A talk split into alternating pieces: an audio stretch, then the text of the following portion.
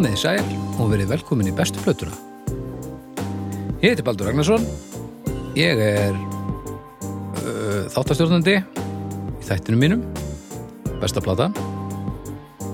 Uh, ég fæ hingað til mín gesti í þáttinn. Uh, ég hef nú lítið verið að stokka upp í gestum í gegnum tíðina. Ég hef eiginlega haldið mig við þessa tvo en það eru þeir fróðir og, og áhersamir. Eh, annars vegar er ég að tala um doktor Arnar Eggert. Eh, þú ert doktor í tónlistafræðum, er ekki? Jú, það, við verðum að kalla það það, Já. það sem það er. Er það, er það gaman? Já, hefur, hefur, hefur gengið ágætlega, sko. Já. Fólk, fólk hefur alveg tekið vel í þetta, sko. Já. Og hvað, eh, í hvað stettarfélagi er maður? Er eitthvað svona doktora? Já, það er þetta var eiginlega verra eftir ég var doktor af því að, sko, þegar ég var master, þá var ég master of music. Wow, Stóð á, sko, skýrtinu. ok, það er mjög gott. En missur þann til til þegar þú hækkar þig? Nei, nei, ég, þú, þú, heldur í alla, alla titla. þú bætir við þér já, ekki, já. Já, það, þú bætir á því titlum, sko. Þannig þú getur alveg verið doktor en þú getur alveg verið með, Já, ég líka, Með já, ég er master- master og doktor. með barmmerkið. Já, já, þetta, það er, þetta er ásanlegt að hafa náðað, náðað, náðað að gera eitthvað með hennan áhuga, sko. Já, myndur þú mæla með þessu fyrir hvert sem er?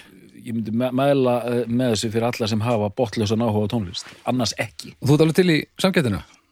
Af því að þú ert náttúrulega inn okkar markaðin, sko? Já, það er morðið með, algjörlega, það er morðið með ég er. Ég er að reyna að fá nefndu mína til, a, til, a, til að gera meira af þessu. Já, ok, ok. Stend, stafar engin ógn af, af ferskum doktorum? All, alls ekki. Það, er ég gott. bara tek þeim öllum fagnandi. Já, Þú að gandalur í þér, greinlega. Já, já, já. Uh, Já, blessaður. lessasar Uh, stafar þér einhverjir ógn af meðaldra hipsterum í þungaráslustum? Já, Miðaldra hipster í þungararsljósitt. Þetta var á- á- kjarnirt lýsing. það er ekkert þetta, ekkert þetta mótmála þessu mikið sko En þú ert nú einn af, einn af þeim sem að fjölmörgu sem ég þekki í lífinu sem að hérna, hefur ekki lært nokkur skapaðan hlut en, en plummar þig mjög vel. Já, ég, ég hef nú þá skoðuna af tvennu af tveimur möguleikum sko þá þá sé mikilvægara að vera almennilegur heldur en að vera búin að læra eitthvað ef þú ætlar að koma þér áfram Best- Ekki, be- kannski heila skurlækning. best er að gera bæði samt sko Já, en ég held að þú veist hann almennilegur. Hann kannski skar hérna á mænuna en, Já, en einmitt. er hann flottur. ég held, held þú sko Að því mænan er mitt í heilanum. Hm. hvað er þú búin að læra? Staðsetningu, Mænu skurlækningar staðsetningu lífara. Og Þannig ég held að sé ekkert að læra sér frá því að vera ekki almennileg manniska, sko. En þú, þú, þú verður þá að bara taka eitthvað í gegn, sko. En þú getur plumaði ágætlega á þess að læra, sko. Ef þú ert bara sæmilega dísent. Það er En ærilegur. ég, ég ætla einhvern tímann að læra eitthvað. Ég er búin að ákveða það. já, Já, ég ætla að verða eitthvað. ég myndur ekki býða mikið með það. Akkur ekki? Að því þú er þú ert nú ekkert ferskasta peran í skápnum, sko. Nei, ég ætla ekki að vera ferskur læriður. Ég ætla bara að vera læriður. Já, já. Það er bara ekkert að því. Það er að ekkert, það. nei, ekkert að því, bara. Ég var auðvitað háaldraður því ég fór í þetta nám. Nú 38 ára gammal. Já, er nokkuð. mjög hár aldur. Það er alltof mikið, sko. Já, alltaf mikið við eitthvað svona, sko. Ég er, Já. ég er 43, sko. En sko, þú þarf, hvað þyrftir þú að gera? Þú ert að klára fyrst. Mér skilst það, ég geti bara bara sínt fram á það sem hann hefur gert og þá sérstu, ég er náttúrulega ekki að fara í læknisfræði, sko. Nei, Ekki mænu, mænu skulu. ekki gera það. en, en ég meina, ég, ég fer bara í eitthvað sem ég langar til að gera. Þetta, þetta rennur allt, allt að þjóðfræði einhvern veginn. Af því að það er að gera allan anskot á það Já, og, og, veist, og, og, og ég held að ef ég hefði bara notað þú veist verkefnin sem ég er búin að vinna fyrir þig til dæmis í hljómsutunum okkar ef ég hefði bara gert það í skóla þá kannski var ég bara á betri stað. En ég ákvað að gera það frekar í, í hérna í hljómsuta að setja einhverju það er skilji. en þú veist, Það þarna saman sjá, samt. við sjáum bara til. Þetta er bara gott maður. Herriði, já, áðurum við hjólum í það sem við ætlum að hjóli hérna í dag, þá skulum við tala um er hjólkirkjuna. Hlaðvarps uh, fjölskylda, fjölskylda. Já, vel gert. Uh, ein stór fjölskylda og fullt af þáttum vikulega. Já, og mikið, mikið glens og mikið grín og mikið alvala og alvarlega alva, mikil alva og tölvöld Sagði tálum. Þóð, Ég vil taka eitt þátt út fyrir svegar og kvartaðis ok, Það er þátturinn Dómstafur ok. Ég ætla ekki kvartið þættinum af því að mér finnst hann frábær sérstaklega þegar að þeir eru öll Já, það er best. eh, í umræðuhópnum á Dómstegi Já, Dómstafur á Facebook, Dómstafur jú, Þar er búið upp á að, að koma með málefni sem síðan er dregin úr seknum já, sem þeim ræðis og, og, og, og gefið einhvern. Jú, Ég ætla kvartið við fólkinu sem, sem að kemur með þetta. Já, að það er, ég held að fólk sé eitthvað miskilja þetta sko. það kemur yfirleitt með einhverja tillögur sem eru, þú veist, afgerandi. Já, bara Já. svona Skoðun. Bara svona XM, 0 Já. auðvitað 0, það þarf ekki að ræða þetta neitt. þetta þarf að vera eitthvað svona Það kemur svolítið sko það þarf að vera, ég ætla að byðla til hlustenda að vera frjóri og, og, og með, það þarf að skera úr um hluti þannig. Já, þetta þarf að vera aðeins meira njútrál sko. Ég til dæmis á eftir að setja inn, inn, inn eitt sem ég Já. stóð sjálfum að gera um daginn Já. og ég þarf að fá skorið úr um. Mm. mögulega er að beita hérna sambundum til þess að tróða svo fram fyrir röðuna Holy ég kannski moly. kemur sér í sekkin það er kúka með sólglíru ég gerði það um daginn. Já, og það var mjög sestu til, til, til, tilfinning. Var sól? Nei, það úti sko, ég bara hljóp inn. Úti sólinn var úti Já. og ég fór inn. Ég fór inn sko Já, og að því ég er með sjóngleru og, og ég hef sérst á sólgleru sem eru sjóngleru sko þá allt í einu, og svo er ég einn heima hann var opið fram sko, allt í einu uppkvitaði ég að ég var að kúka með sólgleru að horfa fram að gang. Já, og mér leið Eða svalur. eiginlega á einhverjum máta sem mér hefur ekki liðið áður sko.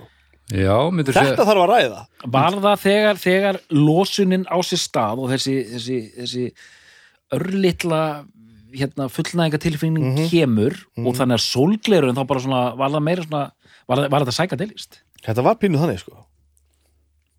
Er það? get ekki líst þessu almennilega en hliðarafurinn er til dæmis bara að vera með sólgleru inni. Það er, það er líka það er almennara umræðafnis þar Heldur sem búin að taka það fyrir? Í alvörinni Ég, ég held það, já. Já, það er mikilvægt. Það þarf að, við, við þarf En ég er sammálaði, sko, við þurfum meira njútrál eitthvað sem Já, er það- hægt að skoða frá, húst, fólk er að senda inn bara eitthvað Sumafrí já, já, fólk, fólk sem sker annað fólk á háls Já, eitthvað, bara núll. bara, þú veist, við erum ekki við, erum ekki, við þurfum ekki að díla við hluti sem við vitum að eru ömulegir sko. Það er ekki þannig. Skilji En hérna, dómstæður á mándu Þannig að þið getið farið og, og hlusta á dómstæður svo þið viti, svo þetta rant hans bibba meiki það er eitthvað rosa sens skemmtilegt sko. Já, það er, það er gaman, sko. Það er hrikla skemmtilegt efni. Og uh, svo viljum við líka tala um Simin Pay já. Simin Pay við skulum gera það. Þetta er uh, app sem ég er búin að nota mjög mikið og, og, og, og. Já, þetta er orðið það app sem ég nota mest þegar ég er að panta mat. Já, já. Því að það er mjög margir það er hann að flippin í appinu sem heitir, heitir, Mathöllin. Uh -huh. og að því að ég er hugmyndasnöður appi þá hentar það mér mjög, mjög vel að fara bara inn í eitthvað eitt app og Já. sjá bara hvað er búið þar. Já, og ég get pantað með sama máta allstaðar uh -huh. það er sama viðmótið, kreditkortum mitt er bara inni og ég þarf ekki eitthvað að reyna að finna út í hvernig eitthvað virkar. Næ, þannig að ég er búin að gera mikið af þessu. Já, uh, ég, ég sveik sjálfa mig og hlustundum mína um daginn. Ég, ég saði í, í snæpi talaði fólk síðast að ég ætlaði að panta á Duck and Rose og ég gerði það ekki, það er kom óvænt fólk í mat og ég varð að grilla kjöt, þannig að ég skulda sjálfur mér og hlustundum og, og, og Íslendingum öllum að panta mat á Duck and Rose. Já. Á, og svo hérna í allavega í sumar og verður eitthvað áfram er hérna eru líka bara matartilbúðaninni á þriðutum þannig að þetta fara inn í ma- mathallar flipan alla þriðuta Já, og þar er að fá, fá tilbúða mat sem þú sækir svo bara já, sem þú færið ekki annars stað semst. það er bara sem að appið exclusively býður upp á. Já, það eru nefnilega og ekki bara matatilbúðinni heldur líka nei, hún bara, bara fullt af alls konar tilbúðum. Alls konar tilboðum alls sem eru- shiti sko. engungu inni og, og þeir þurfu ekki við, að vera í símaviskiptum við síman til að geta notað þetta uh, notað símin Pay og ég hef einmitt notað þetta miklu lengur en ég not, var að byrja að nota þetta áður en hljóðkirkjan var til sko já, alveg þegar konaði var að vinna á símanum?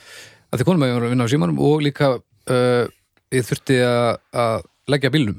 Já, þetta sá fítus er mitt mjög næs og já, hann er mjög næs og engir aukagjöld og, og allt saman. Þannig að, þannig ég er búin að nota þetta stíft lengi og það er ekkert mál á með þessu. Þannig að tekja þessu. Það er, þið, þið tapið alls ekki á því að, skrá okkur þarna. Nei, þetta er meistarætt lið þarna líka, þú er búin að fylgja mér lengi í þættinu mínum og, og, og bara þeim að þakka að allir geta hlusta, það er gott. Algjörlega Þar hafið það. En heyri, þá ætlum við að kíkja á á mál dagsins.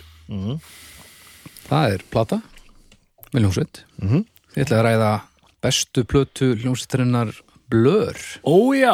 Blur. Já, mikið Þetta er með hana. Já, Mikið er þetta nú fallegt Þetta er platan Blur. Maður hefur bara Blur? Já, ég bara séð hann í svona séti Já, já. sniði. Já. Þetta er svolítið, svolítið hérna Þetta er svolítið, svolítið all-in sko. Rosa flott. Við erum að lýsa plötinu sér þetta Rosa flott áferð á henni. Mött, snildaleg Já, já, og, og artverkið eh, það nýtur sín á, á, á stórum fletti. Já, þetta er Já, mjög, mjög það- Þetta er eitthvað Það nýtir sín alls ekki á litlum fleti Nei, Ég er bara fyrst, ég er að sjá hluti í fyrsta skipti bara núna sko. ég er að pæla hennu hún, hún er gefin út orginal á seti, er ekki? Jú. E- Er Blur logoið svona lítið á setinu? Eða, eða hafi, allir hafi breytt hlutföllunum þegar gerðu Líklega. Lesið upp? Já, það, þegar þú segir það, já. Viltu, getur, þú séð það, Baldur? Já, ég hérna já. En nú veit ég ekki, sko, kannski er ég bara og hún er ógeðslega flott, sko. Fullt af artforskið þarna sem ég bara ég bara áttaldri hennar gæstldisk en ég hef ekki hugmynd um hvort þetta hefur Já, hvað- Þetta er 97 97, já, Ekki svona 97 í þessari mynd hérna sko. Skotnir og svona sko. Maður sjá það. Þetta er mjög vegleg vegleg, vegleg plata. Hvað er þetta sitt? Já, þetta verðist vera bara eins á á, magna á disnum Hvað er allir þessar myndi séu teknar? Nú er þessi plata að miklu leiti tek, tekin upp á Íslandi, sko. Ég veit bara ekki alveg hvar, veistu hvað er hún að tekja? Nei, veistu, ég bara ég vissi af þessu. Ég man ekki í, í nákvæmlega hvaða hljóðverið það var sem tók auðvitað Stúdíó Grettisgat. Já, það er stumana Já, bara Stuðmannahljóðverið? Sýrland. Já, Grettisgat. Og var auðvitað á Grettisgötu hann alveg fyrst en síðan, já, færist það eitthvað. Já, Nei, Sýrland var náttúrulega nýri þarna Það var ekki greitt sko nei, það var hann á Grettisgat var í Grettisgötu Er það ekki- Gretti skatt Stúdíóið Grettis, er það ekki það sem Egil og Þursarnir bjuggu Það getur verið, sko Í- í? Ég var bara tala um skúlatúnið þannig Sýrland, sko. Já, var nei. bara að rugla. Nei, nei, nei, nei. Já, þetta er ógeðslega lót upp, Stafinir uppleftir hérna á, á nær, nærbuksunum. Já, það er nefnilega að Eitt merkasta hljóðverð Íslandsögunar er stúdíó metnaður, Grettisgat sem. Egil Ólafsson tónlistumæður letur reysa í gömlu hestús og bakvið heimilið Já, þetta er já, já, já, já, já, já. já, Eh, já. Þegar stömmið komið saman aftur var heitilegur spreytt í stúdíó Sýrland. Já, einmitt, á s- sama stað samt. Eh, en með tíð og tíma fluttist hljóðverið norðu fyrir lögaveg og nafni með.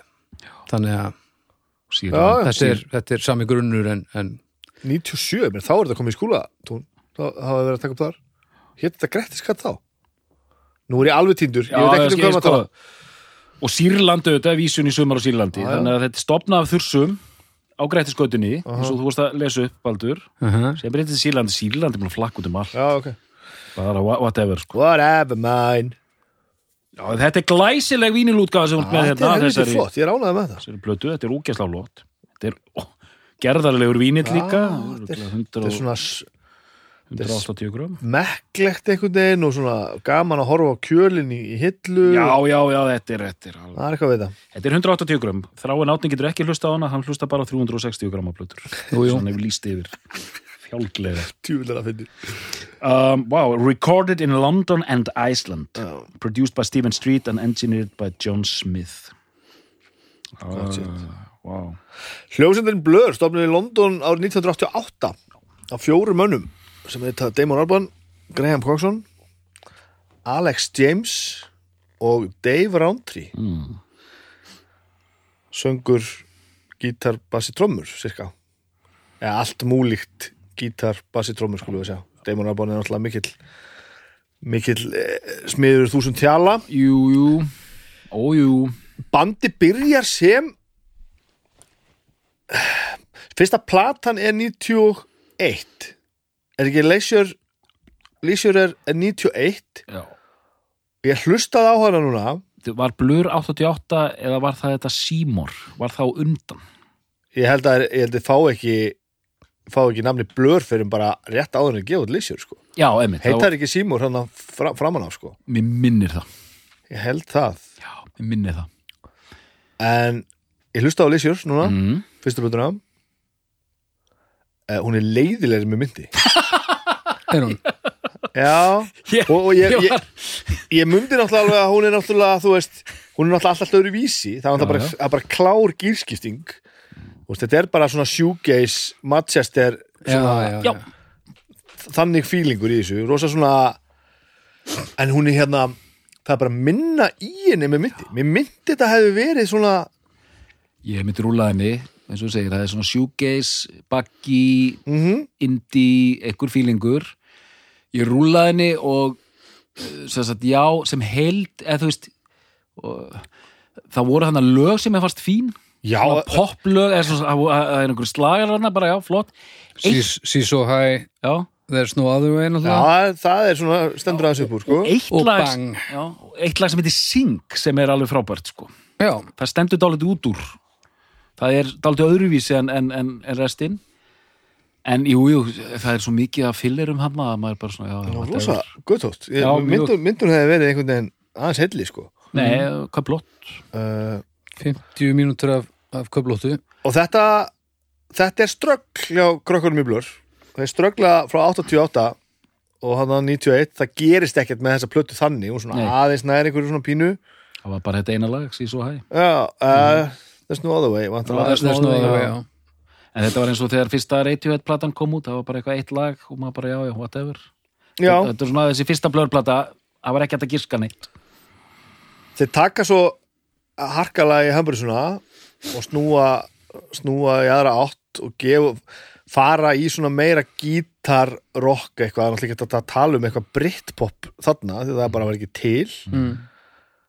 Og þetta, við erum að, við erum að hann er við í svona tilur brittpopsins við erum að tala um, tala um hérna ingangin í það og þá gefa það úr plötu sem til Modern Life is Rubbish Mm ég, ég man þegar ég sá þessa plötu, sko, þetta er 1993 já, Mhm. tveimur árum eftir Leisure Já, og ég man að ég, mér fannst þetta svo umslægið og titillin uh -huh. ég bara beti, hva, hvert eru menn að fara? Uh -huh. Vissir þá hvað band það var? Eða? Já, já, ég er svona, þú veist, maður hafði orðið var við á sem eitt af þessu nöfnum, bara 91 ein- einhver indi hljónsveit, maður heyrði þessi lög hérna See So High og hérna og það er svona all the way, bara, jú, jú þú veist, þetta eru katsi lög en mér fannst þau ekkert skemmtilega þannig. Uh -huh. sem man ég bara að ég, ég bara sá það á umslæðin og titlinum býtu ok, þetta, þetta er eitthvað annað. Það en er ég hlustaði ekkert á hana sko Góð saga. Já, góð, þar Og þarna svona, þú veist, Segur eitthvað annað sem gerist ekki. þarna halda þær áfram að. Þú veist, þetta, þetta, þetta verður ekki neitt þarna.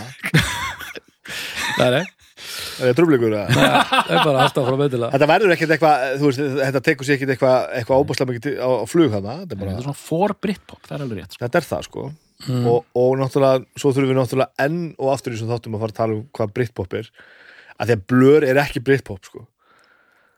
Ekki frekar en allt hitt, sko. Þú veist, þetta er svo, þú veist, þetta, er svo voðalega skrítið, sko. Ég er að tala al, að, heldina yfir Ég veit ekki hvað ég er að meina. Nei, nei, nei, nei. Ég myndi segja, nei, ég hugsa ekki um blur sem Britpop, sko. Nú, ok, Ég veit það er að- ágætis, ágætis ánungur Ég veit alveg Er, að... er, það, er, er þetta blúprintið Britpop fyrir því og Oasis er það þá ekki eða?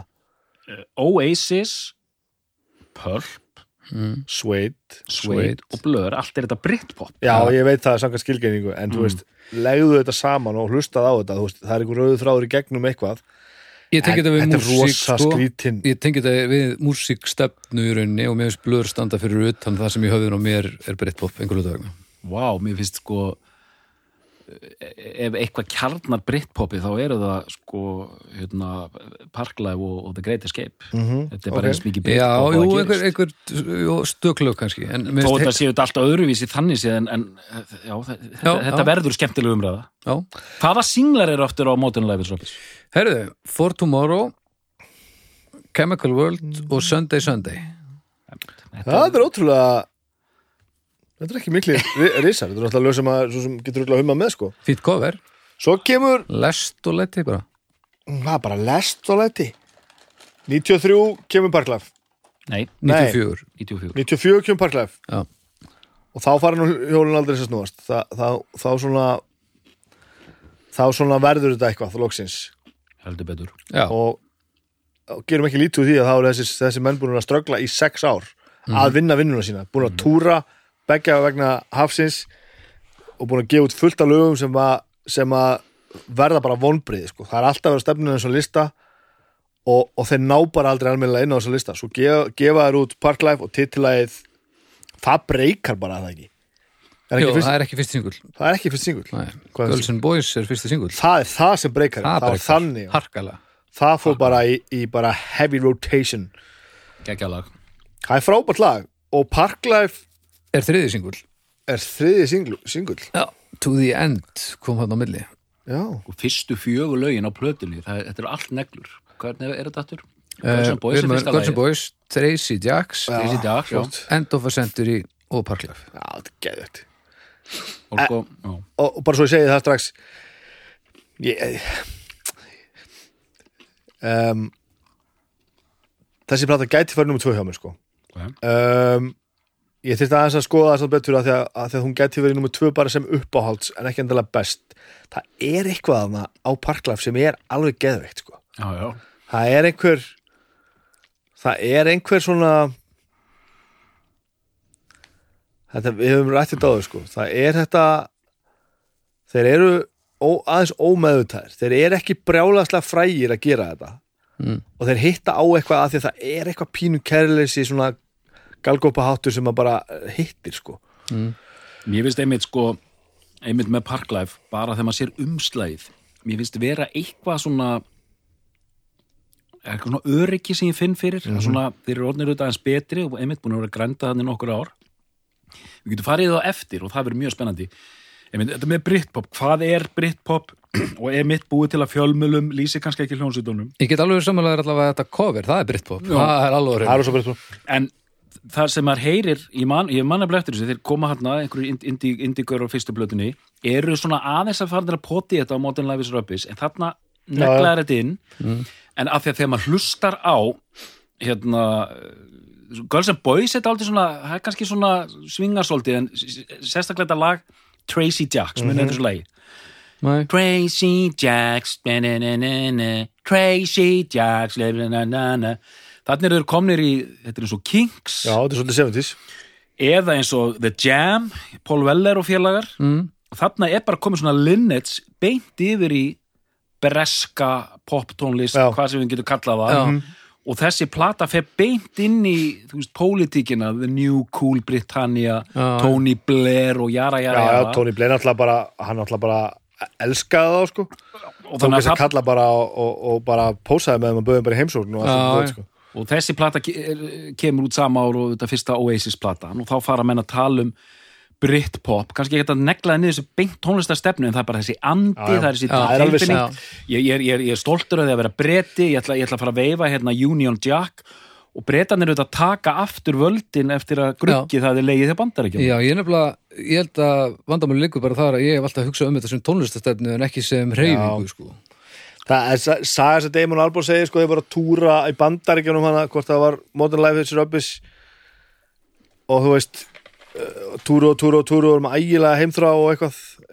Og hérna og hann fór bara að semja bresk lög til þess að þú veist Já, til þess að bara líða meira eins og hann var heima sko, hann hann bara ónað að vera breti Já. og bara semja breska texta og bara svona bresk lög og maður fattar það alveg og stóri Ben og maður fattar einu bara, já, það er eitthvað eitthvað svona distinctively brest þarna, sko. Já, Um, ég ætla alveg að segja það að, að það er, mér, það er alveg ástæð fyrir að ég er með þessa plötu hérna sem, sem þeirra bestu, sko.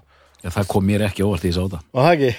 Nei. að hérna, hérna þannig séð, ég hefði alls ekki verið hissa ef þú hefði stilt, stilt þessari fram Parklife. Já, ég hef Já. ekki verið hissa sko það er kannski svona það er kannski svona augljósara val þetta er svona meira konasjör en, en það er samt aðra ástæð fyrir að þú velur þessa ef ég má koma með þá kenningu bara á eftir Já, svo endilega, ég vil slaka þið til. hérna, en, en ég ætla að segja sko, en eitt sem tók eftir mér til nánast furðu með þau hvernig búið að tala um Parklife mikið sem bara þessi negla Mhm. sem þegar maður hlustar á plötuna, það er 16 lög hann eða eitthvað líka, hún bara fer af stað bara eins og trukkur Já, sko. rosalega stað. eins og- eins og bresk emrið eða hérna, risastór rauður hérna Londonstrætó, en síðan verður bensinni búið, síðustu svona 5-6 lögin, þá eru bara geggjar fyllerar sko, bara eitthvað svona what? Og, og annað sem ég rakk með á núna, ég var að hlusta á hana, hún eldist ekkert og hún, er, hún, hún er dated, sko. Já, Það er bara sondið á henni einhvern veginn bara fílið á henni er bara bara rosa 90s sko. Alveg, þú veist, ekki gott 90s Nei. einhvern veginn sko. en svo leiðum að kemur næstu plötu, Great Escape þá er einhvern veginn búið, það er einhvern veginn það er betra sko. Hún er 95 já. Hún er 95, já. það er ekki þá, þá sem við taka hérna taka batlið við Oasis eða ekki Jú, Country House var fyrsti singullin sem kom út af Great Escape Já. sama dag og Roll With It Já. hérna með Oasis það var, og það var Þeir- fyrsti singullegur sem fór í efstasetti og Blur fekk Já. mikla skömm í hattin fyrir þessa plötu Great Escape af því að hen- hún þótti vera hún þótti bara vera of, of uppblásin og, og full af sjálfur sér svipað og, og, og kritingin sem Oasis fekk fyrir Be Here Now tveimur árum setna sko. þetta er mjög áhugavert þannig að þarna er verið að búa til þarna eru þeir búinir að gefa út sko þarna eru þeir að gefa út þessa plötur svona hlifi hlið uh, Roll With It og Country House mm stilt svona hlifi hlið. Enda með að eru gefna út á sama deginum sem að var eiginlega unheard of bönd pössuðu sér alltaf að vísleika þetta. Og ég maður rétt á voru þær voru þær uh, planar á sama degi Oasis færði sinn, sinn útgáfudag og Blur færði aftur til þess að taka þetta bara nekk að nekk sko. Og það var bara, það var bara þú veist, öll breska pressan var bara uppfullað þessu bara, þetta var bara í inn í að þetta væri innví aldarinnar bara. Já, já. og það sérst enda með því að Blur vinnur selja bara svolítið mikið fleiri plötur sko. Já. mikið búið að búa til af, af, af eftir á útskýringum hjá, á, í hinu liðinu Já, já, já. fleiri formöt og að þetta kaupa bæði 12 og 7 tómu eitthvað svo, ég man ekki hvernig það var svona segja alls mér þeir hafi ekki ónað tap? Nei, ekki alveg sko. Að þeir koma, koma bara út sem bara sigurverar og eru bara, eru bara, sigur, og eru bara vinsalasta breytbóttbandið í bara svona þrjá mánuði viðbót og þá, þá urðu Oasis Já, já. bara svona ódöðleg superstars og Damon Albarn og Co voru bara útrópaðir sem aumingjar. Og bre Bretti náttúrulega gerir þetta. Já, já, við viljum bara, hérna, bara verka strákana frá Manchester ekki ykkur helvitis hérna, uppskrúðu uppskrúðu lista aumingarna frá. London sem eru að þykast við einhverjar eitthvað- samfélagshetjur. með, eru bara... með klippingar og eitthvað. Já, þeir, þeir eru bara country house, það hefur ekki nefn á að eiga country house, Nei. hvað er að ykkur? En- við erum bara að róla við þitt, það er það sem við erum að gera. En hins vegar þá fór Great Escape á toppin í þremur löndum Aha. Það var bara UK albums listin að Írlandi og Íslandi Já. Sko, ég náði þessum glugga sem manni finnst alveg furðulegt eftir á hyggja að ég var á Róaskeldu 95 Mhm. þá var Blur risaband og stærsta band í heimi Já, já. spiluðu á appilsinugula sviðinu Já, bara kongar á meðan Oasis voru inn í tjaldi sko. það, það er það er svo, það er svo, það er svo ótrúð og, og bara þetta var alveg svo stuttu tími. Og allt í hennu snýðist bara dæmi við og þeir Já. bara fucking töpuðu þessu.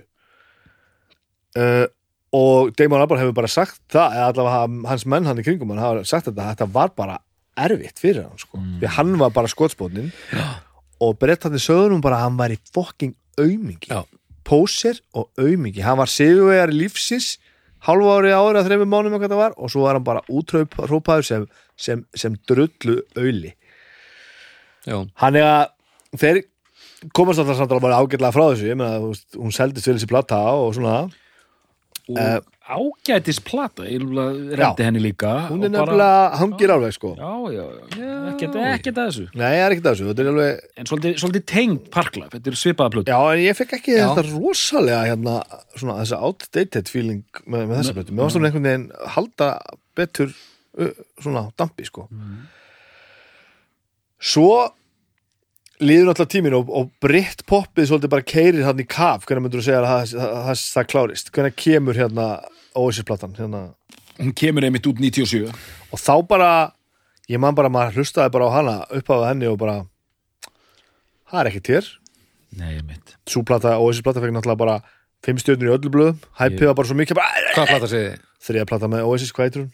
Be Here Now ég man eftir þessu, maður var að hlusta á hana bara maður fann það vildu allir þetta að vera frábært já, það vildi Ah. allir að það vera frábært maður fann býttu, ok, þetta er svona, svona verða hlut, að maður var líka svo ungur að maður var svona, já, svona verða senur, svona hætta senur greinilega. Já. og maður var tóm Já, og ég meina, þú veist, við höfum talað um það því við erum búin að taka bæði Oasis og Pulp hérna í þessum þáttum Mhm.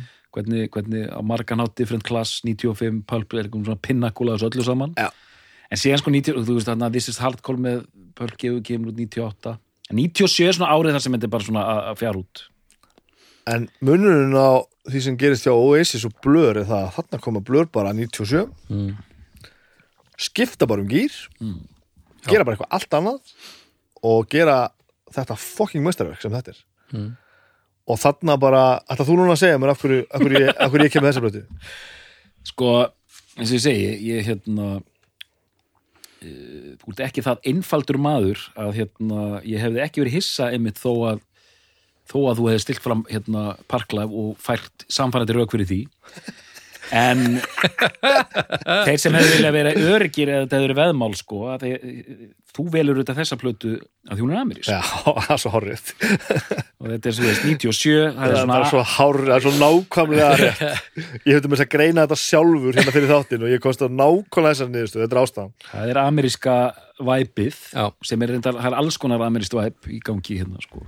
Þetta er bara svo vel gert Já, ég er ekki alveg Nú erum í að lenda, okkur lendir saman núna hey, hey. Wait, já, nei, en ég meina já, en uh, byrja að lýsa þessu, sko. Mér finnst þetta uh, hérna, mér finnst þetta seg, al, þú veist, mér finnst þetta mjög, mjög góð plata og allar, í rauninni allar plötunar sem við höfum verið að tella upp hérna eru mjög fínar, sko. Líka Lísjör Nei, sko, Leisure og, og Modern er, er ég ekki að tengja við, sko ég tengi vel við Parklife og, og hérna Great Escape. Mm.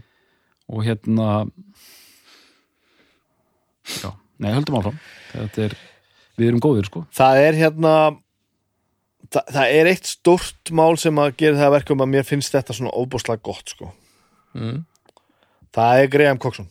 Ok, Hann er náttúrulega hann er náttúrulega stórkostlegu maður. Stórkostlegu gítalegari Mhm. um, hann, hann, hann, hann semur skemmtilega hluti og náttúrulega verðist vera svona hrikala skemmtileg fylgd honum. Eftir svona, svona síðustu ár svona sé viðtölu við hann og að sjá hvað hann er að gera og svona. Vist, það Og hann er- og, hann er ekki eðlilega skemmtilegur Nei, sko. og hann, hann er svo skemmtilegu gítalegari þessi riff sem hann er að spila þau eru oft svo fáránleg og flókin og, og, og undarleg. Mhm og oft, oftar en ekki sko, eru undarlega því hann er bara og til dæmis þetta riff er þetta ekki bílböðum, fyrsta læg á þessar plötu. Mm -hmm. uh, ég hef til og með séðan lýsa í hvernig hann spilaði þetta og, og þú þarfst að spila þetta mjög illa til þess að þetta hljómið rétt. þú verður að spila þetta mjög sloppy og bara þú veist og, og bara spila þetta eins og einhver byrjandi eða eitthvað mm. og það er bara stór partur af því hvernig, hvernig hann gerir þetta allt saman. Mm. hann bara svona kemur með eitthvað svona þetta er ekki spurningum að spila hlutina rétt. Það þarf að spila á einhvern veginn. Já, nei, og þess að þetta bara hlustu á þetta þetta er bara eins og þetta sé átt ára bann að spila sko. Átt ára mm. bann sem kann ekki á gítar. Mm. og það gerir þetta svo mistralegt og það er svo mikið af þessu hérna einhvern veginn. Og að sálsögðu þetta er þú veist 97 uh, eh, þegar ég heyrði til það með sko þegar ég fór að, fór að greina hvað það var sem erum að fíla þetta ég fór að heyra sko bara Pinkerton í gegn, skil, Já, já, bara já, já. ví- víser soundið góða víser soundið Já. og, og það allt saman pínu bara uh, pínu bara af þú veist bandariska sko punk alternativinu var, var að læðast þetta inn einhvern veginn þú veist. pavement, það allt saman einmitt, sko. og ég bara eru slakari textarnir eru pínu svona, eru um eitthvað um, en merkilegt að maður eins og þú veljir þetta arti band og þeirra mest arti plötu. Finnst þetta að vera mest arti bláðan? ég myndi segja það. Já, áhugavert. Þetta er bara að Parklife er bara straight up popplata Já, meðan hérna er verið já, að já, já, það er En þetta er samt bara verið að taka hlutin og jaska þeim sko. Þetta er ekkert samt En ef þú verður ekki með samhengið já, hinum meginn frá þá er þetta ekkert eitthvað brjálæðislega arti Þetta er bara önnur stefna sko.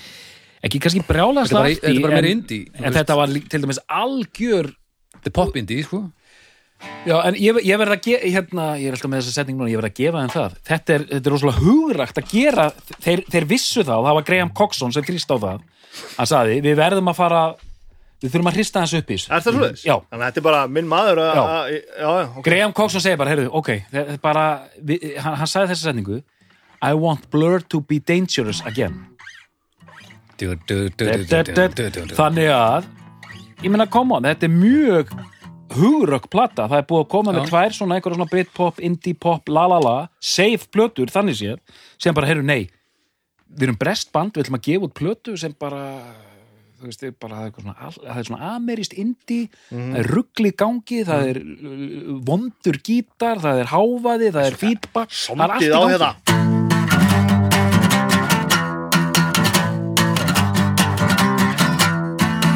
og, og þetta er bara að spila í, í, í gegnum closet sko. já, svo einmitt, einmitt. geðveit sko, og allt þetta. Þetta er svo, þetta er svo hugmyndaríkt og snildaríkt og kærulaust og eitthvað svo glæslegt ég, eh, ég er mikill aðdáðandi eh, Damon Albarn, mér finnst hann, hann glæsilegur sérstaklega setni tíð, mér finnst viðtöl við hann hvernig hann kemur fram, hvað hann að gera öll þessi pródíkt og hliðapródíkt og svona bara það sem hann langar og ægilegu dreifkraftur, hann er gerðlega rosalegur lítir sko. Jú, jú. hann bara stendur fremst og bara lætur hlutin einhvern veginn gerast. Uh, en ég sko og hafið þið vit hér á að stíga aðeins til hliðar og hlusta. Eitthvað var það. Og, Coxon. og, og þá komum við líka að því að, að þeir allir fjórir, að því að Alex James og Dave Roundtree eru frábæri hljófarleikarar og músikantar sko er, það fyrir mér er þetta einhver svona, svona skurrpuntur það sem er, þeir ná allir svona að koma sínu að einhvern veginn og þetta verður svona að þeir svo næstu plótu eftir sko þá er þetta bara farið lengra fyrst mér í þessa átt sko. þú tala með þetta sem mest artiplata Já, mér finnst já. þetta að fara miklu meira áfram þá sko mér finnst þetta að vera þetta er ef, ef við vorum að fara hérðan úr Parklife yfir í elektrónikina sko Já, þá finnst mér eins og að þessi plata hafi náð að fanga fullkomna tímapunktina sem voru rétt á milli einhvern veginn að gera svona best of both worlds. Þetta er rétt, þetta er rámt sem ég er að segja sko. þetta er ekki mest art í blöðblöð það er þetta síðasta blöðan já, Think Tank. Eh, ekki síðast að hann er náttúrulega einn síðan já, það- já, já, þá, síðan sko. kom hann að Magic Whip. Think Tank er náttúrulega bara 2015, hún er náttúrulega bara án Graham Coxon sko. Já, hann er bara ekki á henni sko. svona nánast, er, er, nánast er soloblöð 13 bara á eftir þessari eða? já, kemur 99 þannig að það er bara þessi hérna, svo er 13 svo er Think Tank Já. og svo er hérna Magic Whip. Magic Whip. Sko, mér fannst sko mér, það sem ég finnst ve- vera þessa blötu eins og ég segi, mér, mér finnst það, já, þetta er svona hugrækt gott hjá okkur, flott, en mér finnst svona lögin svolítið patsi, sko. Ég segi, söm lögin góð, söm alls ekki, sko. Ég segi bara að þessi plata hefði mátt vera styttri hún hefði bara ekki, hún þarf bara ekki að vera öll þessi lög sko. 57 mínútur já, og þessi það plata er of mikið þessi plata mætti bara vera 40 mínútur og þá væri hún rock solid sko. Mm. það eru hann sérstaklega þegar líður hann yfir á setjaplötuna að því að svona gefur tjarnan náttúrulega tvöföld sko. Þa, þá er bara svona þú veist, þetta bætir einhver við, þetta er ekkert slæmt þetta bætir einhver við sko. síðan kemur eins og, þegar þörtin kemur út ég man eftir því að hérna, það er líka mjög hérna, hugrækt hérna, byrja þá plötu með bara McCartney balluðu Mhm. mér fannst þetta svo leiðilegt fyrst þegar ég heyri þetta Mm. en eh, því ofta sem ég heyri lagið Tender Mhm. mér finnst þetta bara aðeinslegt en platan, hún er svona eitthvað allt út um allt sko. Síðan kom hann að hérna, Think Tank sem ég rústaði í mokkanum á sínum tíma það er ekki alltaf leiði bara jú, jú, jú, jú. Nei, Og 13 kemur náttúrulega á milli já, var, það var að tala um varstu- já, varstu að tala um já. en hann að Think Tank, ég rústaði henni í mokkanum á sínum tíma, jú, Já. allt í lagi með það en ég var í, að því ég er svo- svolítið samlegar með Damon að hérna hann er bara flottu gaur og þannig er hann að prófa heimstónlist, raftónlist, jara jara og bara, bara fínt hefur hitt hann? Já. hvernig er hann svona svona bara svoleiðis ég var svolítið leiðulegu við hann ég var líklega á þessum hérna, nei, ég var, það var á róskildu tónleikum. Mm ekki hérna, já, ekki hér. Ekki 95 þess að ekki 95 heldur eftir 2000 var ég á róskildu tónleikum og var að þvælast inn á blaðamanna svæðinu þá situr hann svona uppi við eitt skúrin og er bara svona slagur og er bara svona að horfa. Og ég er auðvitað svo spólgraður og er að hérna, veiða viðtöl, bara ná viðtölum. Mm. og ég vissi að sjálfsög Íslandsdengingum ég segi "Hva- blessar, hvað segir og hann svona, þú veist, nennir þetta alls ekki að tala við mig. Nei, nei. Bara, "Ah, nei." og ég sagði, hey, I'm from Iceland, you have to talk to me ég ah, og hann segir, I've already talked to the Icelandic press og þá segi ég þegar maður er ungur, sko nei, nei, nei you haven't talked to me og hann bara, ok, ok, ok Nú, og spjallaði við mig einhverja tíu mínútur já, já, vel ok. gert og bara, já, já, og þú veist, hann, hann hittnaði mjög fljótt bara svona, og, og hvað er þetta að spá með næstu plötu? Well, og gaf svör já, Já, ok. Hann er bara að gera það. Leiki lína hana þegar maður sér, sér viðtöl við hann og les viðtöl við hann hann gefur um svör. Já. svo kannski rætist ekki endilega sem hann er að segja en hann er ekki einhverjum svona obskjúr kjafta. Hann er í alveg að hugsa bara ég, var, að- ég er bara að pæli að gera þetta mér langar að gera þetta næst ég bara, mér langar að gera aðra plötu með Pól Simonum. Það er bara svona, þá segir hann það bara sko. Og, og bara þannig í kringum og það sem gerist einmitt dálítið, hérna, eins og ég segi mjög oft í þáttum, ég er að fatta þetta núna að eftir 2000, það er búið að gefa út þarna think tank, þá fer hann dálítið svona að blómstra sem tónlistamar Já. gefur hann út Mali Music Mhm. sem var bara hann gefur út þarna plata sem ég finnst stórkostleg er hérna fyrsta The Good, The Bad and The Queen Hann- plata. það er, það er æðislegt stöf bara indislegt og sko. hugmynda, fræðin á þetta framkvæmdin, sondið bara, stemningin, allt sko bara svona London soundtrack þetta er svo geggja pæling og miklu meira svo. Það- saman, já. sjálfsögur sem er alltaf vantalega stærsta bandið hans ég meina, blörin alltaf breykar í rauninni ekkert í bandarækjunum að neinu alvöru viti jú, þessi plata, mm, Song 2 Já. eh, varð stórt en það er svona það er svona pínu svona auðlýsingastórt það er bara í, mm. í bíómyndum og sjónvarsáttum og svona, við já. þekki allir hérna bara, heyrðu, það er par, hérna nú eru karakterin að rífa sér upp á raskattinu og, og þau er, er að stelast út og fara í partíð Já. og þá bara, ég var að tala um þetta við Snorra Sturlu hérna, við erum alltaf að vinna saman. Og hann var alltaf bjó, bjó úti sko, hann var að segja þetta hljómar á öllum sko kappleikjum, þetta er allstaðari þú veist, hann, hann satt sko hvað, hvað sagði hann? Já, hann var á baseballleik já, sem er þetta mjög áhugavert fyrirbyrð einn af, þú veist, eitthvað svona, svona einvi, þr þrýr dagar í röð það, ef þú mætir ekki réttum tíma, þá er bara svona 12 að horfa, þetta er mjög skytti sko. Og svo er eitthvað svona, einhver pása í leiknum ég kann, veit ekkert um hafnabolta sko. Og þá alltaf byrjar, þú veist, þetta. Já. og hann fór eitthvað svona, þú veist minnum hann hafi sagt að það var að tekka sko á fólkinu kringu sig, vissi ekki hvað það var en það þekka allir lægið sko.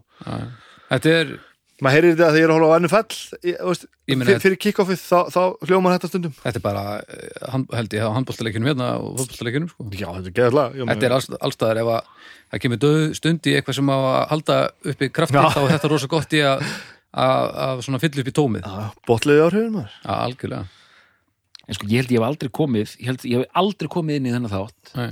ekki viss og ekki, jafnvel ekki með neina sérstak skoðun á hvað var í besta blöð Já. Já, hér, hvað svo er líka svolítið áhugavert bara í ljósi söguna að þú, að þú eigir ekki upp á þessu blörpröndi ertu engin blör maður? e, engin sérstakur. Nei, nei, nei, ok, engin sérstakur. Ég hefði eiginlega eiginlega giska á það. Þú væri svolítið blörkall. En tekkuðu svolítið eitthvað á, blörkall. á Magic Whip? Já, ég hlustaði alveg bara svolítið á hana bæði þegar hún kom út Já. og núna. Ég hef gert hana, hvernig ég rúlaði henn á sínum tíma, ég man ekki neitt. Hún er uh, skemmtileg. Ok, eh, hún er svolítið hrá og þeir eru svolítið bara að orðin eldri og, og þeir eru alltaf búin að taka hana eh, pásu, þeir, þeir túra hana think tank með hana fyrirvændi gíþleikunum vörf, hana hvað heitir hann? mhm. Já. Hérna var það Simon Cape? Nei, Neip, nei þetta er Neip. annan nafn. Þetta er annan nafn, hann hérna Tong Já. Simon Tong já, nákvæmlega, hann. Og svo, svo bara klára það held ég og fara bara svolítið bara svona hiatus sko. Og, og svo og, þar eru þau náttúrulega bara orðnir bara, það eru mjög styrt á milli þeirra sko. Já, já, Graham Coxon uh, hann, hann byrjar upptökuferlið í Think Tank, ég held að sé skráð, skráður í eitt lag þar. Fyrir meðferð, kemur tilbaka og hann bara þólir það ekki sko. Mm. en hann segir alltaf sjálfur bara we all felt that we needed some time apart. Þú veist, mjög næs, svona mjög brest og dipló þegar í rauninni þeir voru bara svona cirka að býta hausinn hvora öðrum held ég. Já, já. Hann er í þreymulugum, Já, ok, og Já. Svo kemur bara eitthvað pása. Nei, fjórum. Ég manni hvað hva, hva er löng? Ég vil að spila sem bara Nei, einu þreymur, þreymur er hann ekki bara sk- skráður fyrir þremur og svo er hann bara að spila einu eða eitthvað? Uh, Electric guitar, backing vocals, co-lead vocals on Lone Swan Street Thought I was a spaceman Já, ok, ok. and y'all, y'all doomed. Og svo kemur hann einhver, einhver pása í, hjá bandurinn sem ég manni hvað er löng? Og svo sagan er heldur sögð þannig að, að svo fór hann aðeins að mýkjast. Já, já, já, þú já. að tala um Think Tank? ég er þannig think tank. Já, sorry, ég var komin í síðustu. Hann, Nei. var bara- hann skráði fyrir þreymur þar sko. Já, sem, já, já, En sem, allir, allir í stuði á hérna Magic Whip. Já, hún er bara skemmtileg plata. Já, hann er bara kom- gítar, gítar bara í battery in your leg. Já, ég held að það sé Já, eina sem er það er skráð eina sem hann gerir á En það sem er svo fallið, það- hún var eiginlega undirlagi Coxon að gerum þetta strókar think tank. Nei, hérna Magic, Magic Whip. Magic Whip, af því að sko Þá er hann komin aftur í gott skap. Það, það, það, hann svona mýkist eitthvað Já. og, og það er einhverja fréttir hann að hvernig er þessi plata, 2000 og 2015 15 það er þetta 2011-12 eða eitthvað. Það sem var eitthvað svona frettir um það bara svona, veist, og við töl eitthvað svona aðeins að mýkjast eitthvað, þú veist, að því að blöru var alltaf bara svolítið búið, þetta var svolítið bara högg sko, já, já. að hann hætti að vera svona rosalega þurr sko og við fyndið að sjá hann segja frá þessi dag sko, hann er svo góðu gauður greinilega sko, hann bara svona, ég maður bara rétti sig af. Og ég sá viðtalið Damon Alban eins og ný eftir að Magic Whip kom út og þá hætti þær aftur sko. Þeir hafa verið ekki verið starfandi núna síðan þeir túruðu þá plötu sko sem eru þá orðin einhver fimm ári eða eitthvað. Mm. og Damon Albarn sagði eitthvað svona mér finnst það nú leðilt að hugsa til þess að ég ekki að spila með þeim aftur. Veist, að þetta er ógæðslega skemmtilegt og, og gott band og bara allt þetta sig og þetta. En fyrst og síðast þá langaði mig bara til þess að ég og Graham Coxon getur verið vinir áfram. Mm, hann langaði bara svo mikið Mm. að bandi geti bara komið saman aftur helst gefið plötu sem þeir gerðu sem var eiginlega pínu offanda þeir fengu eitthvað, eitthvað óvænt frí eða eitthvað og hræðu bara í þessa Magic Whip plötu og bara gáði hún út. Og hún berði þess pínu merki, hún er svolítið svona hún er svolítið bara svona quick sko. Þetta var closure ferli fyrir Damonsens já. Og Já, þetta er svo, og alla Graham, og er Graham skráður þeir semja skráðir allir fyrir öllum lögunum sko. og þeir komu bara 100 árum setna, búið að fara í illt búið að fara alls konar, þú veist, búið að vera súpustjörnur skúrkarnir, búið að vera veist, einum færri, búið að taka pásu allt svona einhvern veginn orðið losarlegt og einhvern veginn svona, þú veist, þetta voru eins og niður bara litli strákar saman í hljómsveit, bara 88 að búið eitthvað til, sko. Og svo einhvern veginn, þetta er svo ógeðslega fallegt að koma öllum þessum árum setna og bara svona hættum að- hættum að vera með þetta vesen og gerum þetta bara aftur og þeir báðu bara ok. Og, og, og gerum bara plötu, túru hana bara heila lengi og ógeðslega gaman. Og núna fær, þú veist, flott að dóma. Já þetta er, þetta er mjög, finnst hún mjög skemmtilega sko. Að hún er all, þeim er sko, ég held að þeim sé alveg drull. Ég held að sé, ja. sé, þeim, þeim að vera alveg sama hvað hún myndi gera. Líki ljósið þess að þeir voru komna saman aftur Já, og það vildu allir sjá blur.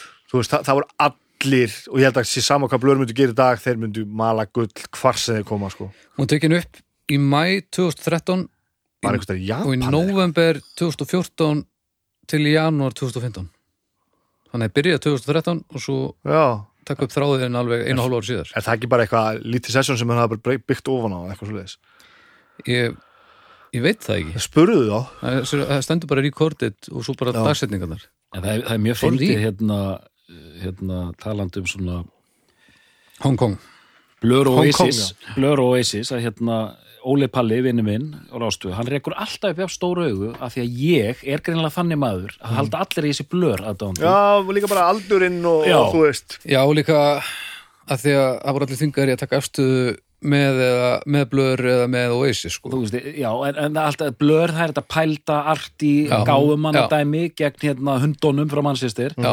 En ég hef þús, ég, ég dyrka Oasis. Það er bara, Já, ég elska Já. þá hljónsitt Já. en þetta er bara svona, já, jú, jú gaman að spjalla og spá og spekulera. Já, það er þannig. En, en, en ekkert mikið meira en það sko. Já, ég finnst þetta, svo er þetta svo skemmtilegi menn sko.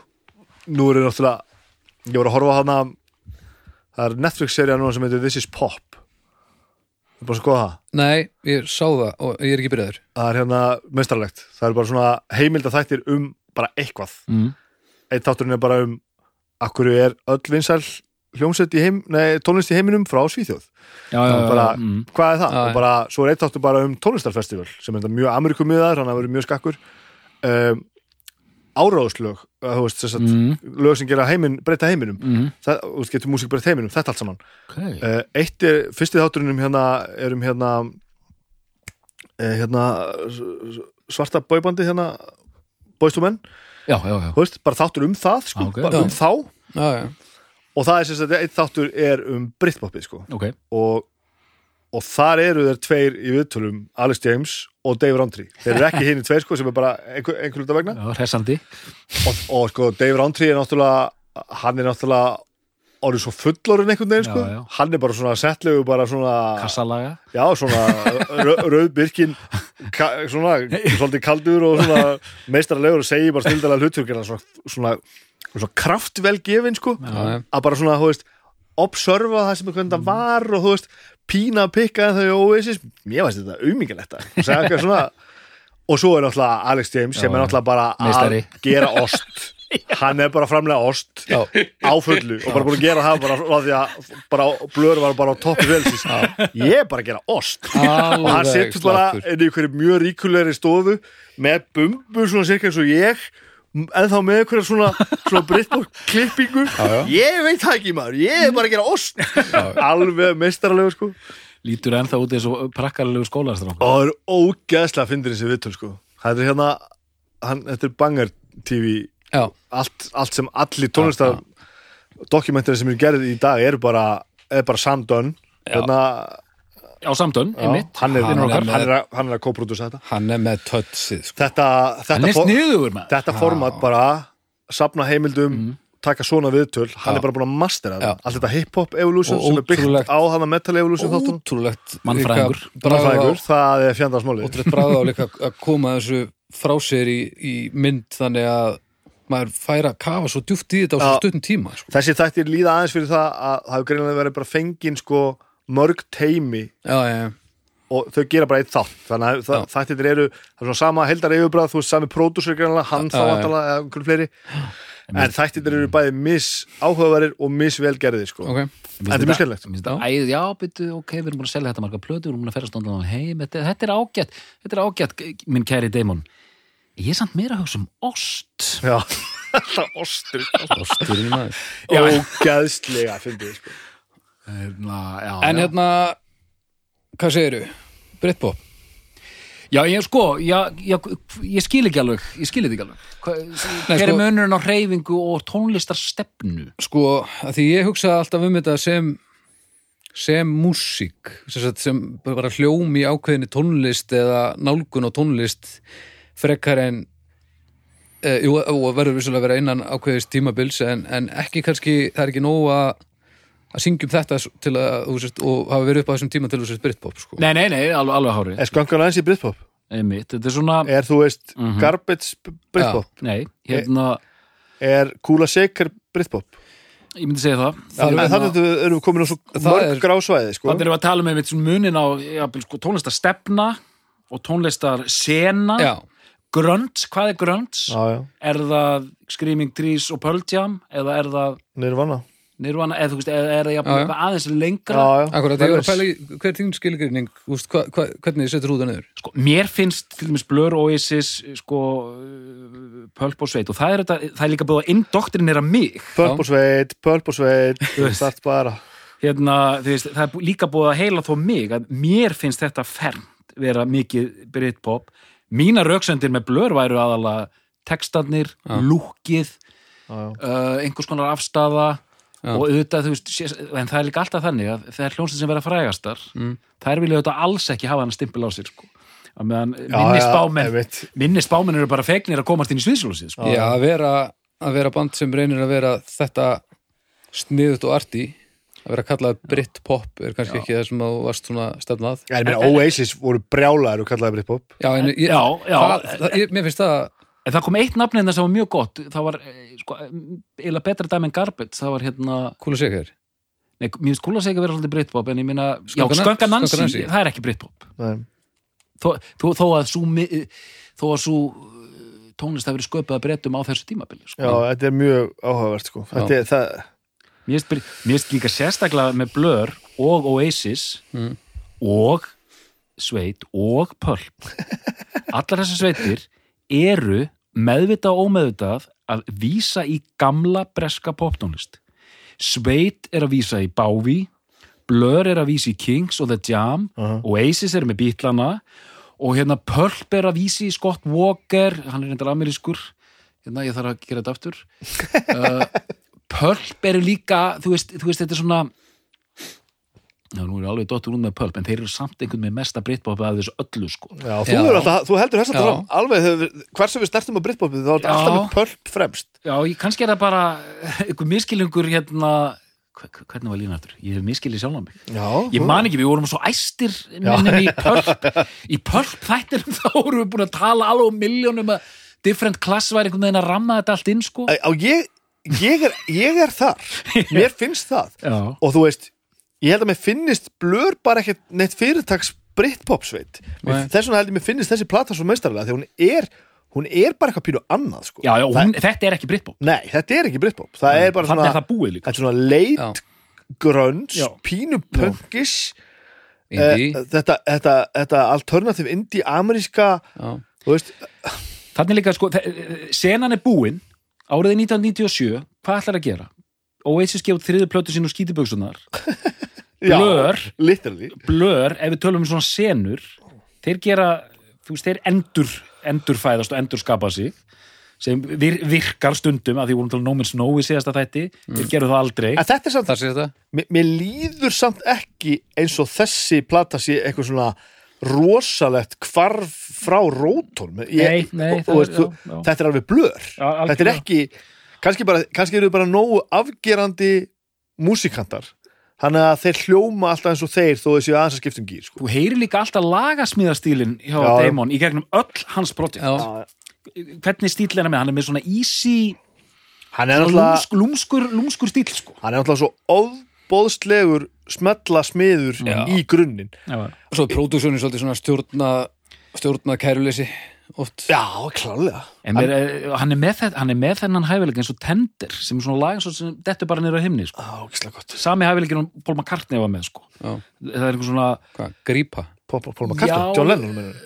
nei, já, með hérna, heiti út og já, svona þú meina þau lög já, já, já svona, svona árenslu löst bara sko. já, einmitt Tender er bara svona ótrúlega innfall lag mann finnst þess að maður hefði heyrt þetta miljósunum áður Hvað er það? Við byrjuðum að byrja svona Tender is the night na-na-na-na-na na-na-na-na-na og séðan kemur kólusinn Come on, come on, come on get to it mm. Come on, come on, come on Love's the greatest thing. Já, já, já, Come on, come on, come on. Og síðan kemur okkar maður Oh my baby. Coxon. Oh my baby. Alveg. Oh er- það er svo mikið why? líkil maður Oh why Og hann svona hlæra sjálfur sig þegar hann gerði í myndbandinu Oh my baby smá bíl hann er æðislegur sko. Og síðan er þetta bara svona, þú veist, rosa kórus Þetta er svona já, gospelið í rauninni já, þetta er bara, já, þetta er bara hjálpum þeim Og þetta er Já, ekki- já, nákvæmlega þetta er ekki bara hjálpum. látið fara og bara allir standa á bakvið þetta og það er bara snildalegt sko. Já. ég ber einhverja einhverja, einhverja það er einhver mikil virðing sem ég ber fyrir, fyrir, fyrir blur ég líka, þetta komið það einu sem að ég, ég er gríðalegu sökkar fyrir. Ok, það er þegar allir meðlimirnir í, í prójektinu eru svona sterkir einstaklingar sem hafa eitthvað að segja. Og getur tekið viðtal við á alla fjóra já, og þeir eru allir framúrskarandi. Ég er ekki að segja að séu ekki með bumbu og geri ost sko þeir á aldrei eftir að leiðast og þeir hafa allir eitthvað að segja og er ekki að býða eftir að Damon leifið um það. Þetta, þetta gerir mig svo glaðan sko. Já, já, já, já. Þú veist, Bonehead er snillingur og að segja hans í blómatíma gítarleikari í Oasis. Algjörlega. En viðtölin voru ekki þú veist við hann jú, hann er svona beinskettur svona, svona brettanagli en ég meina hann bætti einhver við þar Nei, nei, nei, smá samkeppni reyndar æðislu gítarleikari þú veist, hann, hann, hann gerir briljant fyrir, bandið. Hver var að tromma á þessum tíma? Manstu hvað hann heitir? Mhm. Við, ég man ekki hvað hann heitir. Já, já. vegna þess að hann heitir ekki neitt. Hann hafði ekkert að segja. Já, já, já, þú er já. að drullur ykkur mann sem ég man ekki hvað er þetta Já, skilir já, hvað já, er já, já, algjörlega. En hérna- mannstu hvað hann heitir, dóttur, Já, bara svo já, na, hvað heitir hann? Hérna, Timma Karol. Já, já, mann ekki, hann heitir ekki neitt. Og Giggsy þarna bassanum sko. En þetta er bara Giggsy á bassanum, eitt, eitt sem ég var að fatta núna. Eitt, eitt sem ég var að fatta. Og ég er ekki að drullur þessar menn en þeir skilir hvað ég er að fara. Það eru bara, við erum bara fjóra einstaklingar sem eru bara mjög áhrifamiklið sem ég gera og hafa bara eitthvað að segja bara í alvörinni sko. eitt, eitt, sem- eitt sem ég var að fatta, því við erum að tala um mér er svo merkilega þessi pæling með hvað, hvað er grönns og hvað er Britpop. Mm. sko, þeir byrja þarna 88 að símórast sko. Um, þegar Britpopi verður til segjum að sé frá 93 til 97 auðvitað eru einhverja hljónsettir sem swinga inn, Mansun til dæmis sem bara svona er, og kast hérna, eh, hérna þetta er nafn sem ég gerst mjög lengi. Mannstu eftir þessu, kast ég man bara eftir, Nafnið. var ekki eitthvað logo sem maður á að mun eftir? Jú, mann til nafninu sko. Hann, hérna, hann var aðal maðurinn í kast, þetta var Liverpool band var hérna John Powers heitir hann hann var í hljónsettinni Las.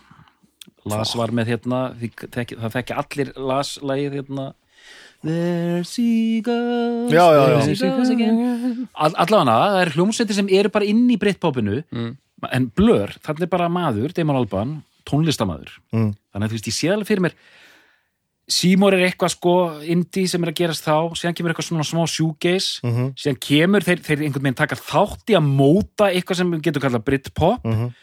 En síðan, af því að hann, er fyrst og fremst tónlistamæður, ég held að Britpopi spili þannig sé litla rullu Já. að því að síðan heldur hann bara áfram að búti músík já, já, já. bara og hvað eru þið með handa mér? Stór, þetta er bara, þetta er bara mjög, mikilvæga punkturöldi Já, þú veist, e- ef hann hefði verið að gera músík 85, þá hefði það verið einhver svona smiðslegt hérna, nýbylgja ef hann hefði verið að gera músík 70, þá hefði það verið Þannig ég, ég held að getur sagt um að Damon vinn okkar að, að, að þessi utan aðkomandi þættir hafa haft minni áhrif að hann heldur margar sko.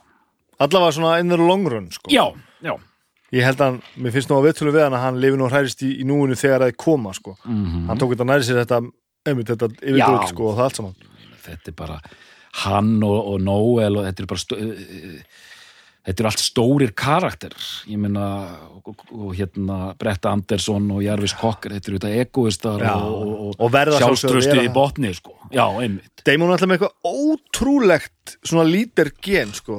Gaman einmitt Graham Coxon hann tíma að lýsa því einmitt þegar að hvernig verður þetta til, hann var að tala um þessi riff sko það kemur einhver grunnur að einhverju lægi sem er alltaf mjög oft Damon en ekki alltaf, það er eitthvað svona riff þú veist og svo er bara eitthvað að byrja að fara bara inn á gólfi og byrja eitthvað að djamma þetta til sko og hann er svona eitthvað að prófa hitt og þetta og kemur með einhverju hugmynd. Og hugmyndin sem stendur er yfirleitt þegar hann lítur svona Damon og Damon svona kinka kolli sko. hann er bara, hei, ég er komið með eitthvað. Og Damon svona horfir á hann svona þú veist, hristir hausinni eða eitthvað svona. Að þetta fer bara allir gegnum Damon Alban sko, og, og það var ekki hann var ekki að segja þetta eins og Coxon var ekki að tala um þetta eins og það var eitthvað frekja sko. Heldur bara þetta eru bara böndin hans á endanum er Damon Alban bara sá sem stjórnar þessu þú veist, þó að aðrir fái að vera með þú veist, Já, já. og hafi heilmikið til málun að leggja sko, þá virðist hann hafa þetta rosalega gen að bara okkur er líka svo tamt að hugsa svipa dæmi var í gangi sveit skilur og Bretta Andersson -hmm. og hann hérna ó, var, og hérna Bernard Butler þeir tveir, þú veist og þeir hérna Coxon og, og, og Alban. Mm Kokk er þetta aldrei einn þannig séð í, í, í, í, í Pulp. En hérna hérna uh, og húsið Noel svo sem en, þú veist, með bróðu sinna hann Mhm.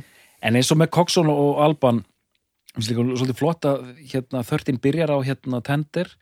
Og næsta lag er Coffee and TV sem er Coxon lag sko og Coxon auðvitað kemur hérna inn með heyrðu, nú gerum við hérna, hann kemur með þessa pælingu við gerum smá pavement við gerum smá svona lo-fi, skítut og rátt Mhm. og síðan gaf hann út slatta soloplötum og fyrsta soloplatan er öll í Já. svona pavement, ráum, svona skítugum amerískum lo-fi gýr sko. mjög skemmtileg músikant sko. svona gera bíómynda soundtrack á fullu Já, svona soundscape og svona, það er bara ég tekkaði bara svona á því til þess að já, hafa ok heyrt það sem hann að gera það er bara svo innovative og, og, og einfalt þú veist, hann er ekki hann er ekki að gera eitthvað svona, svona, svona allt, þetta ekki, verður ekki allt svona eitthvað grandiosa og svona ofbóðslega yfir leið og, og svona útpælt, heldur bara, þú veist hugmyndið eru bara svo kvikk og skemmtilegar, þetta er bara svona, þú veist, gerir eitthvað svona snapp í stöf, sko En mjög fyndið sko að þú veist þetta text hérna í mitt á þessari plötu -hmm. að spáði að með sko Oasis hérna aðal hérna keppinautandir ef ég get upp það sem ég var sagt í gennum blöði að þeir voru þetta alltaf að gjóta sömu plötuna sko. Já, já, og væru ennaði ef þeir væri að það út Já, það, hann er eitthvað að feta sig áfram með einhverja tilrunni greið þannig að Noel á þessum sóluplötu sínum en veist, ég er ekki að hlusta, ég veit ekki hver er að hlusta sko. ég er ég rendi að síðustu plötunni hans og síðustu plötunni hans Liam. Sko, þessar plötunni hans Liam eru náttúrulega mjög undarlegar þær eru bara safna lögum eftir eitthvað eitthva fólk Já, sko. já, Þú veist, hann, er bara, hann er bara orðin eitthvað svona svona popdífa Mm, sem já, syngur bara já. lög sem, að, og, Já. sem hann fílar sko. Já, og ekkert að því en, en veist, ég fæ bara svo lítið út úr þessu ég, ég, ég mér finnst ekkert nóg að heyra hann bara röddinni í honum syngja einhver lög, þetta er, þetta er einhvern veginn ekkert hans sko. og ég veit ekki alveg hvað Nóel er að gera, mér finnst stundum eins og Nóel sé að að vanda sig við að ná ekki til stærri hóps Já, einmitt svona, sem er í einhverju leiti virðingavert en, en svona ég veit ekki alveg hvað ég var að gera við þetta. Síðan nánast kemst hann valla upp með það þegar U2 fengu High Flying Birds til að hita upp fyrir sig sko. Já, já, já, og fekk hann sannarlega krát sko. En ég minna en þú veist, þetta er eins og þetta er svo Paul Weller er að gera plötu eftir plötu eftir plötu. Og hérna þetta er allt bara eitthvað hann, hann á svo mikið inni til þess að bresku sveitir, status quo og allt Mhm. þetta sko. Þessi stuðmenn Bretlands sko. Mhm. það er allir bretanni dýrka þetta. Við, við erum minna áhuga sem áhugavert eins og með, með það sem Nolan er að gera eins og tala um þetta, hitti fyrir YouTube. Ef þú er búin að vera í Oasis sem spila bara á stærstu sviðum veraldarinnar þú headlinar bara það alveg sem á þú kemur þú bara headlinar og það koma allir. Uh, ég skil alveg að vilja stíga niður á þeim stalli sko, hann hefur líst því bara hann, hann bara vildi þetta ekki lengur, hann vildi bara fara í min, minna stöf bara tjekk, ég er búin að þessu. Þá skil ég alveg að hann sé, sé til í að fara bara og spila a- arenas eða stóra klúba eða eitthvað svo leiðis veist, og bara með sín sjó og bara hellana það og bara það gengur vel og þú bara búin að stíga eitt skeitt tilbaka og svo getur bara hendi einn óðsislagar og allir elska þig sko. Mm. en viltu fara sem uppbytunarband á sömu venjúin og þú varst að gera sjálfur fyrir 20 árum. það er, þetta er undarlegt. Hvað, þú veist og veist, ég hef ekki verið að það og við erum, náttúrulega- við erum að tala um náttúrulega ótrúlega forréttindastöðu og náttúrulega búið að vinna fyrir þessu með hæfileikum og vinnu. Já, já. en bara, finnst þetta mjög áhugavert einhvern veginn bara, já. Að því, til og- eins og Bruce Dickinson að gera nei, eins og Steve Harris er að gera með British Lion. Veist, hann, er bara, hann er bara í Iron Maiden og hann getur bara að spila það sem hann vill og það koma allir. Svo er hann bara með gömlu kalla vinni sína í bandi sem heitir British Lion og þegar Maiden er ekki að túra þá fer hann bara í rútuna já, og keirir á milli klúbana og spilar í sömu klúbum og við erum að spila sko. Já, já. en hann er að halda sín sjó með vinum sínum að spila fyrir þúsund mann sko. ekki 30.000 eins og hann er mannur þúsund manns Þúsund manns. en það eru hans, hans gig á hans forsendum sko. British Liona að hit upp fyrir Def Leppard þú veist myndur þú gera það? fattur þú hvað ég að fara? Já, þetta virðist vera, við höfum talað um svona bönd, það er svo ma- magna, hvernig er stemningin í bandinu, ég held að við vorum bæði að tala um Halloween og Europe, Mm þegar menn eru komnir í svona slaka, eru jafnvel bara til í hvað sem er og eru bara að já, njóta já, þess að kannski er þetta bara það mitt það. bara svona, já, gaman að spila og Mér whatever, nú sko. síðust á þessari nýju Halloween plötu að þeir séu ekki til neitt slaka. Nei, heyrðu, það er alltaf Já, miljón tónlistilega. allt á miljón og bara vera að rífa fram öll gömlu sverðin. Já, já, já. allt í voða Það er bara, það er er, bara miklu fleiri liklar á leiðinni sko. það er eitthvað fallegt, sko, þegar menn eru komnir á, á svona aldur, sko, egoð kannski minkar aðeins, meira til í bara að vera með, sko, og þú veist, og Europe, sko, bara spila einhver staðar og bara Mhm. allir hressir sko svona að því það eru þetta svo mikið blinda að ætla sér að, að fara aftur í eitthvað svona þú veist hérna voru ekki að tala um Já. Bon Jovi voru ekki að tala um að Bon Jú. Jovi væri bara einhver blekkingar heimi sko Já, hann er alltaf bara einhver hliðstæði veruleika já, bara svona hann, hann heldur ennþá hann eigi að vera stærstur í heimi að bara, nei en ef þú ætlar að miða þig sko ef þú ætlar að miða þig við hápunkt ferilsins Mhm. þá Já. ættu að gera upp við þig hvort að þú vilt lifa í raunim eða ekki og hann hefur kosið að gera já, það já, ekki það er góð putur en þú getur Já. líka bara ákveðið bara þetta var geðvegt, mér langar samt að halda áfram að gera þetta og ég mun ekki ná sömu hæðum Já, já, þá já. er það bara fínt auðvitað, það er mjög mikið til þessu sko og, og, og, og, einmitt, og sk- sk- skilgreinum hæðir skilur Já, ég meina, já, þú, Ein- þú, ert, ég þú meina- ert í tísku og Já. allir skilja hvað þú ert að gera í þennan tíma svo lítur það já. bara að- að minka en það Mjög- þýðir ekki að að það sé neitt breytt Þú fyrir þér sko. það er bara spurning hversu mengaður þú varst af þeirri aðtegli sko. já, það er hár rétt sko myndið þið fara á blör í höllinni eftir mánuð Já, kannski ég held það sko Hvað kostar? það kostar það kostar 7 og, og 6 Já, ég hugsi ah, ég, nei, það kostar meira, það kostar 9 og 5 ah, ég trúði ekki alveg með það nei, það er ódýrt. Ég bara veit það ekki alveg. nei. Ég myndi, ég held nefnilega að ég myndi fara. Ég er ekki Ég sem myndi ég hefði farið á, áður en við fórum að, að ráðast í þennan þátt sko. nei, ég, ég myndi renna í katalógin og taka stöðuna. Þetta er Svo nefnilega myndi ég heyri í Þóri og spyrja hvort hann ætla verið til að koma með mér því að þetta Já, var hans band um svo lengi sko. Þetta var uppáhaldsbandið hans Þóris alveg áhuga lengi framan af sko. Og ég hlustaði mjög mikið á þetta eins og bara, ég hlustaði á mjög margt engunga því Þórir, Þórir Georg músikant mm Mhm. e, bara var með puttana á öllum púlsunum og, og þetta var eitt af því. Þannig að, já. En þetta er Ég svona, fyndið sko, ég, ég veit allt um Britpop að því ég bara var, var á staðnum. En það er engin hljónsett sem ég svona af þessum fjórum sem við nefnt nema Oasis sko. Pulp, jú, jú, flott stöf Já, þú, Sveit, þú, já, þú, þú tala mi- mikið um þetta áður, já, sko. það er bara svona já, Ass. Ass, já, það er skemmtilegt. Það var aðeins önnur taug í því sko. já, já. En En vörf þú veist, vörf, já. Vörf, já, þú veist En Manic Street Preachers.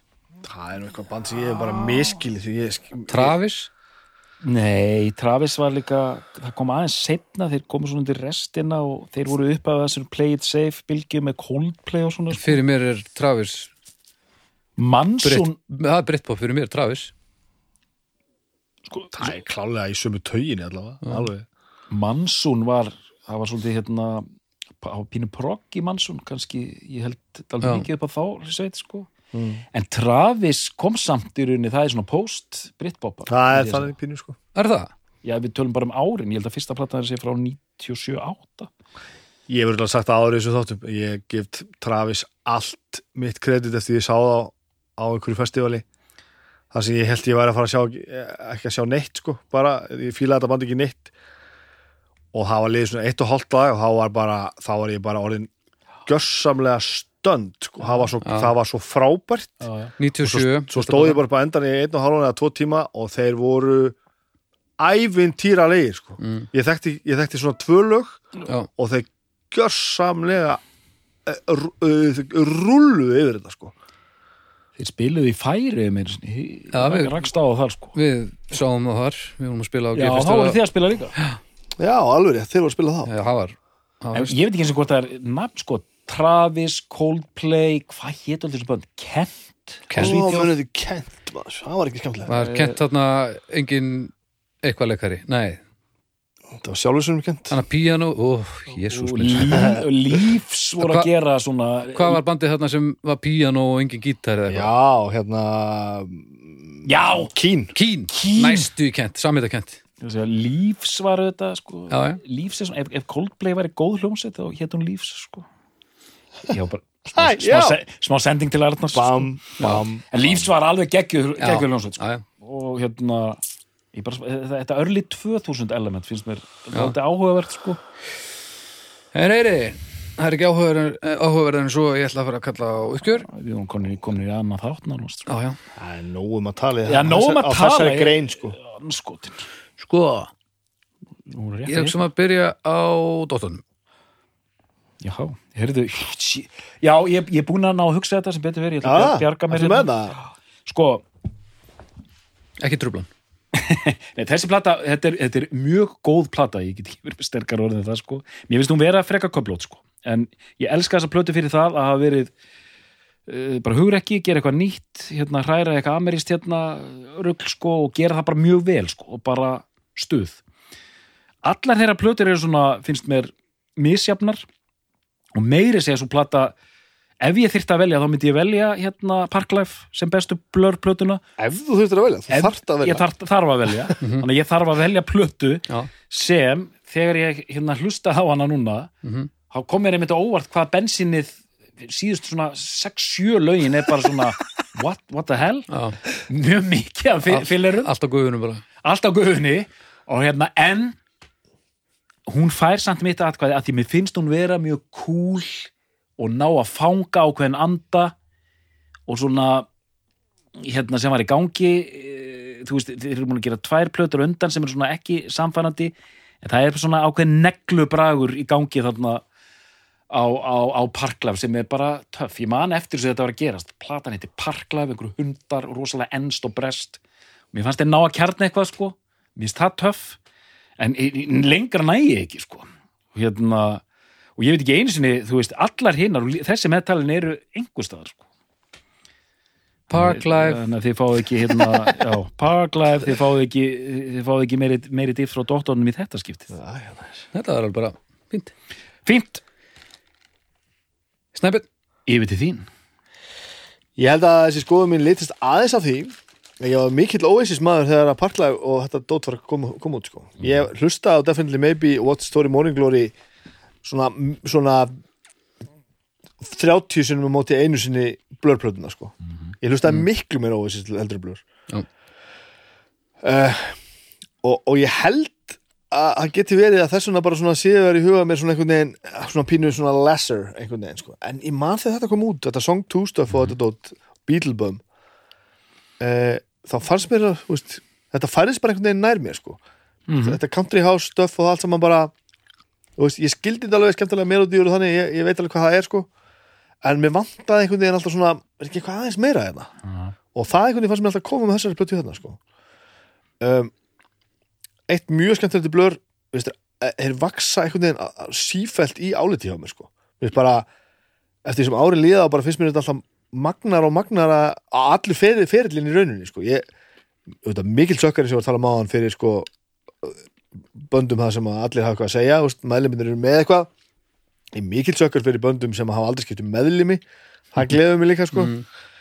uh, en ég til dæmis segi núna e- ef að, ef að kemur blörplata á morgun ég myndi kaupa hana. Ég myndi kaupa hana og fara með hana heim og hlusta á hana bara að því mér langar að þetta sé gott stöf Já, það er eitthvað það er einhver taug og sérstaklega eins og hann að Magic Whip það var svo mikil sko það var svo mikil, mikil innsikli á það bara þetta eru, þetta eru bara menn sem hafa eitthvað sko, eru bara með eitthvað þeir þurfa ekki að gera þessa plötu sko. Þeir þurfa ekki að fara út að túra. Það er ekki þannig sko, þeir geta bara verið heima að gera ost.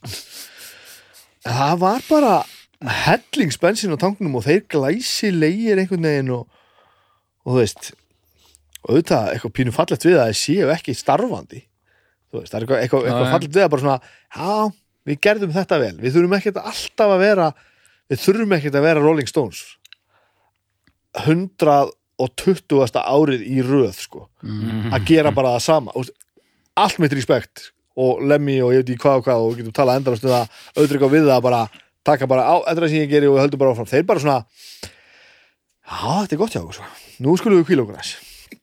Og það er bara eitthvað eitthvað, hana, eitthvað við þetta sem gera það að verkum að ég hef miklu meira pláss fyrir blör núna heldur en fyrir aldamót sko. það er bara eitthvað sem að svona mér finnst þetta bara eitthvað svo snildarlegt sko. það er eitthvað. Mjög gott. Já, þetta er mjög gott. Mér finnst þetta mjög gott. Þannig að Snæbjörn, já, er þetta besta plata blör? já. Doktor, er þetta besta plata blör? Nei, Við þökkum fyrir í dag og við heyrumst af ykkur liðinni